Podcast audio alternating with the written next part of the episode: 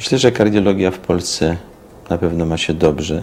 W ciągu ostatnich e, 10-12 lat notujemy istotny postęp w zakresie e, wykonywania wysokospecjalistycznych procedur kardiologicznych. E, Dzięki Narodowemu Programowi Ochrony Serca, który przypomnę, mm, miał miejsce w latach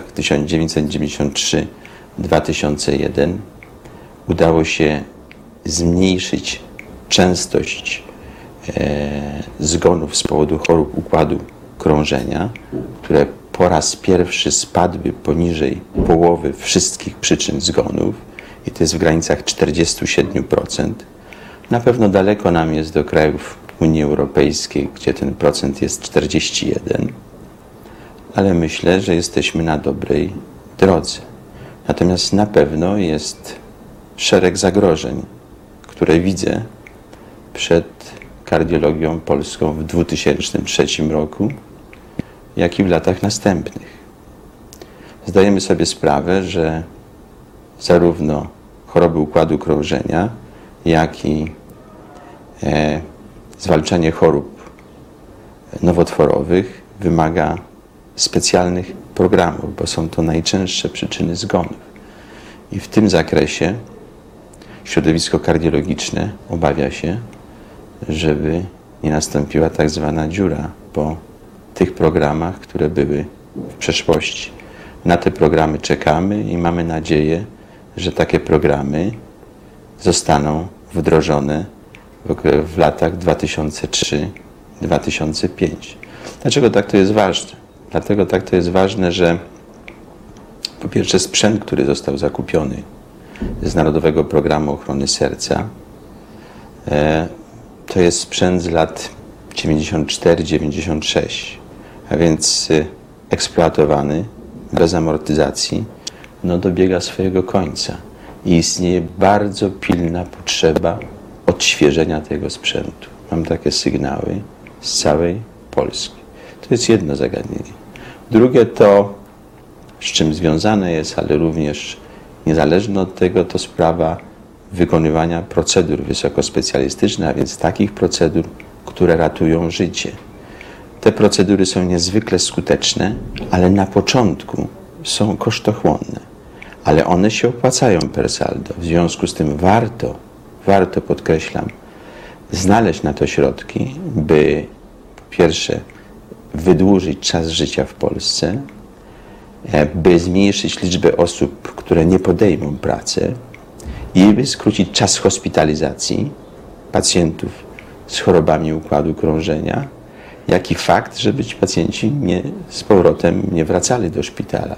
Trzeba powiedzieć, że zawał serca i ostre stany wieńcowe powinny być obecnie według wszystkich standardów przyjętych mm, w Europie i w Ameryce leczone inwazyjnie. Jest to metoda najskuteczniejsza, najszybciej powodująca y, ustąpienie tej awarii, która, nawet właściwie przyczyny awarii, która w sercu y, występuje. Jest to leczenie najskuteczniejsze, mm, naj, powiedziałbym również najtańsze obecnie, dlatego że taki chory praktycznie ma szansę uniknąć, część z tych chorych mo, może uniknąć w ogóle zawału, czyli są to ludzie, którzy po paru dniach wychodząc ze szpitala mogą wrócić do swojej normalnej aktywności zawodowej, społecznej, rodzinnej, bez żadnych albo z niewielkimi deficytami ze strony serca, to znaczy z, z deficytami w sensie ubytku tych kardiomiocytów, czyli tych komórek mięśniowych, które są odpowiedzialne za prawidłową kurczliwość.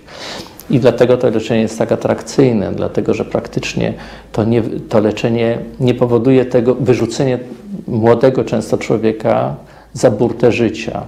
Wszystkie inne metody są mniej skuteczne, tym niemniej y, oczywiście część chorych musi być leczona w sposób bardziej tradycyjny przy pomocy le- leków na przykład, które rozpuszczają zakrzep, bo mm, y, nasza organizacja nie jest na tyle sprawna, to znaczy organizacja transportu, powiadamiania, przewożenia chorych nie jest na tyle sprawna, żeby y, wszystkim chorym można było zaoferować tak szybką pomoc. Jest to kwestia oczywiście poprawiania i pracy nad tym, Ym, Tym niemniej no, y, są miejsca w Polsce, w których ten y, sposób leczenia jest ciągle jeszcze niedostępny albo mało dostępny. Ten system działa w tej chwili w 12 województwach z 16, a więc jest to niewątpliwie ogromny sukces polskiej kardiologii. Nie obejmuje on oczywiście mieszkańców całych województw, całych, obejmuje najczęściej pewne wybrane aglomeracje wielkomiejskie z mm, przyległymi obszarami, ale nie, niewątpliwie to już jest znaczny postęp, bo mamy takich w, takie mm, sygnały, że większość chorych na przykład leczonych jest za pomocą tych nowoczesnych metod inwazyjnych. Pacjent z bólem w klatce piersiowej, jeśli to jest ból pochodzenia sercowego, wieńcowego, to wówczas trafia do ośrodka, powinien jak najszybciej do takiego ośrodka trafić e, i następnie ma wykonywaną koronarografię, czyli obrazowanie naczyń wieńcowych, poszukiwanie zwężenia czy zamknięcia tego naczynia, które jest odpowiedzialne za zawał i następnie otwarcie tego naczynia. Możliwości otwarcia tego naczynia są bardzo różne, znaczy są różne może, są dwie zasadnicze metody, albo za pomocą balonikowania, albo za pomocą podania bardzo szybko lecz, leczenia fibrynolitycznego, takiego rozpuszczającego zakrzew w naczyniu wieńcowym, ale to jest taka metoda nie do końca, która oczywiście pozostawione jest zwężenie, blaszka miażdżycowa, która, na której ten zakrzew powstał po pęknięciu. Najczęściej w praktyce łączymy te dwie metody, jakieś formy leczenia m, przeciwkrzepliwego, fibrynolitycznego z leczeniem e, zabiegowym. To wszystko zależy od sytuacji, od konkretnej sytuacji i możliwości w danej, w danej chwili. Natomiast ważne jest, żeby taki chory no jak najszybciej do ośrodka wysokospecjalistycznego trafił. W szpitalach ogólnych izby przyjęć nie zawsze są przygotowane do szybkiego y, rozwiązania problemów y, pacjentów z ostrym stanem wieńcowym. Także zdarza się na przykład tak, że pacjent czeka w izbie przyjęć na zbadanie przez lekarza. Czasami czeka zbyt długo i to jest oczywiście my o tym wiemy i próbujemy nad tym pracować, no ale y, nie, nie nad wszystkim jesteśmy w stanie zapanować od razu. Także mm, tutaj jest y, często istotne opóźnienie już w izbie przyjęć szpitalu. Takim rozwiązaniem stosowanym w niektórych ośrodkach jest wyodrębnienie jak gdyby kardiologicznej izby przyjęć. To znaczy taka izba przyjęć, która powinna być informowana przez zespół wiozący pacjenta telefonicznie, że jedzie pacjent z zagrożeniem życia, z zawałem serca, czy być może z zawałem serca, powinien od razu być badany przez lekarza i trafiać na oddział intensywnej terapii. Nie powinno być tego opóźnienia. Szczególnie wtedy, jeżeli szpital dysponuje możliwością leczenia inwazyjnego. Dlatego, że taki pacjent wtedy z izby przyjęć, czy nawet z pominięciem izby przyjęć, co już jest kilkunasto często minutowym zyskiem czasowym, powinien trafić do, y, na salę operacyjną i być poddany najpierw badaniu, a potem leczeniu, jeżeli takie leczenie jest możliwe do zastosowania.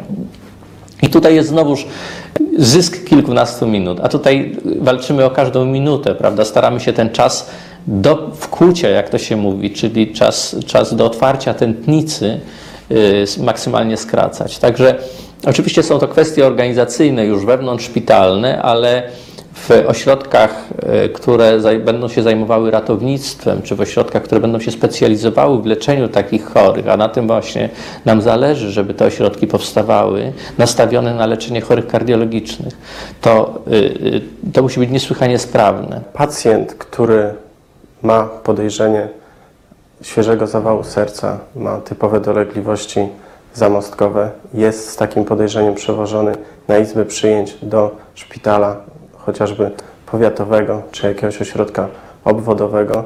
Tam ma wykonywane EKG, są, mogą być pobrane dodatkowe enzymy, które mogą, za pomocą których możemy stwierdzić martwicę mięśnia sercowego i wtedy lekarz izby przyjęć tamtejszego ośrodka porozumiewa się z lekarzem dyżurnym naszego mm, ośrodka, naszej erki kardiologicznej i ten lekarz kwalifikuje pacjenta do ewentualnego postępowania inwazyjnego bądź leczenia zachowawczego w ośrodku, w którym obecnie pacjent się znajduje.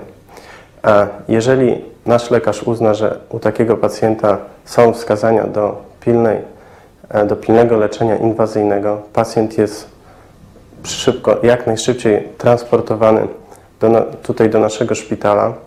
Następnie, już nie zatrzymując się na izbie przyjęć, jest bezpośrednio przewożony do pracowni kardiologii inwazyjnej, gdzie wykonywana jest koronarografia i jeżeli zostają stwierdzone istotne zwężenia bądź zamknięcia naczyń wieńcowych, które można udrożnić przy użyciu z wykorzystaniem zabiegu angioplastyki wieńcowej, ten zabieg jest wykonywany. Takich ośrodków w Polsce w tej chwili mamy oczywiście pracowni, pewnie powyżej 70 takich hemodynamicznych. Jest ponad 60 oddziałów, które mają takie w ramach e, swojej struktury takie ośrodki.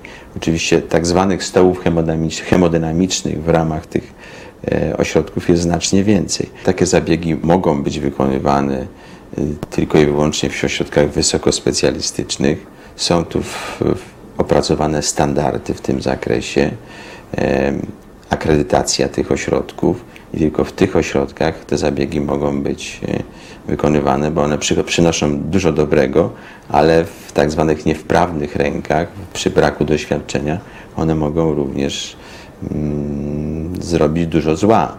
W związku z tym jest zrozumiałe, że i doświadczenie zespołów, i aparatura, która jest tego e, jest potrzebna, środki techniczne, które są tego potrzebne, to jest, e, no, to są ogromne nakłady.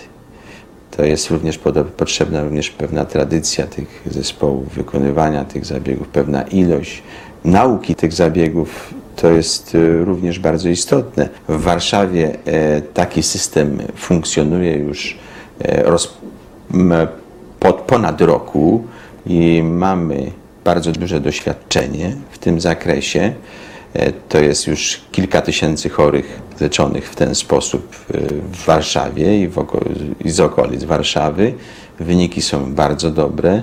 Jeśli powiem, że śmiertelność metodami leczenia niezabiegowymi wynosiła około 8 do 10%, tak w przypadku leczenia zabiegowego ona wynosi około 3, maksymalnie 4% łącznie, wliczając to wstrząs kardiogenny.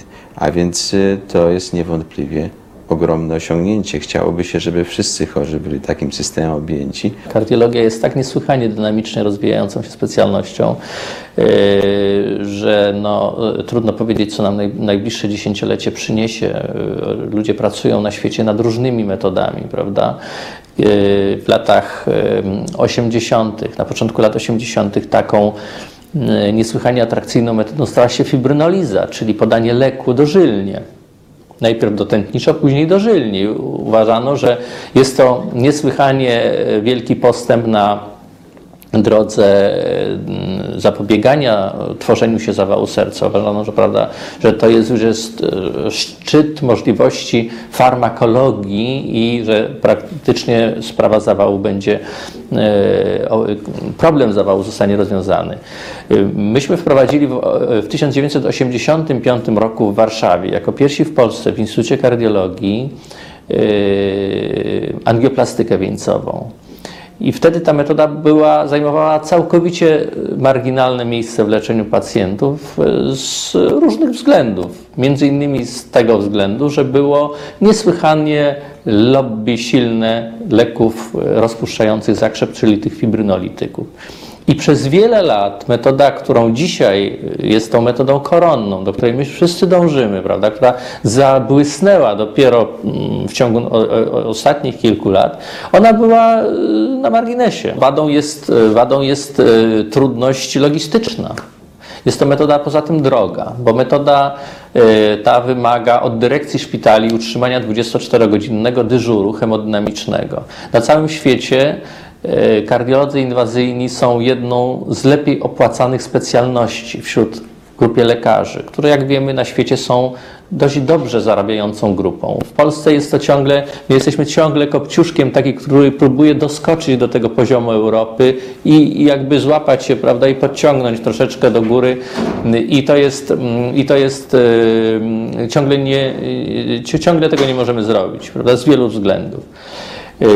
Więc y, po prostu trzeba powiedzieć w ten sposób, że ci ludzie, których jest mało, którzy y, potrafią zrobić coś bardzo spektakularnego i bardzo trudnego, no bo to trzeba trafić y, drucikiem grubości włosa w odpowiednią tętnicę, prawda, otworzyć tę tętnicę, rozszerzyć i implantować od światła naczynia protezę wewnątrznaczyniową. No jest to działanie dosyć ekwilibrystyczne w sytuacji, w której pacjent jest w ciężkim stanie i w którym wszyscy mają świadomość, że on może umrzeć.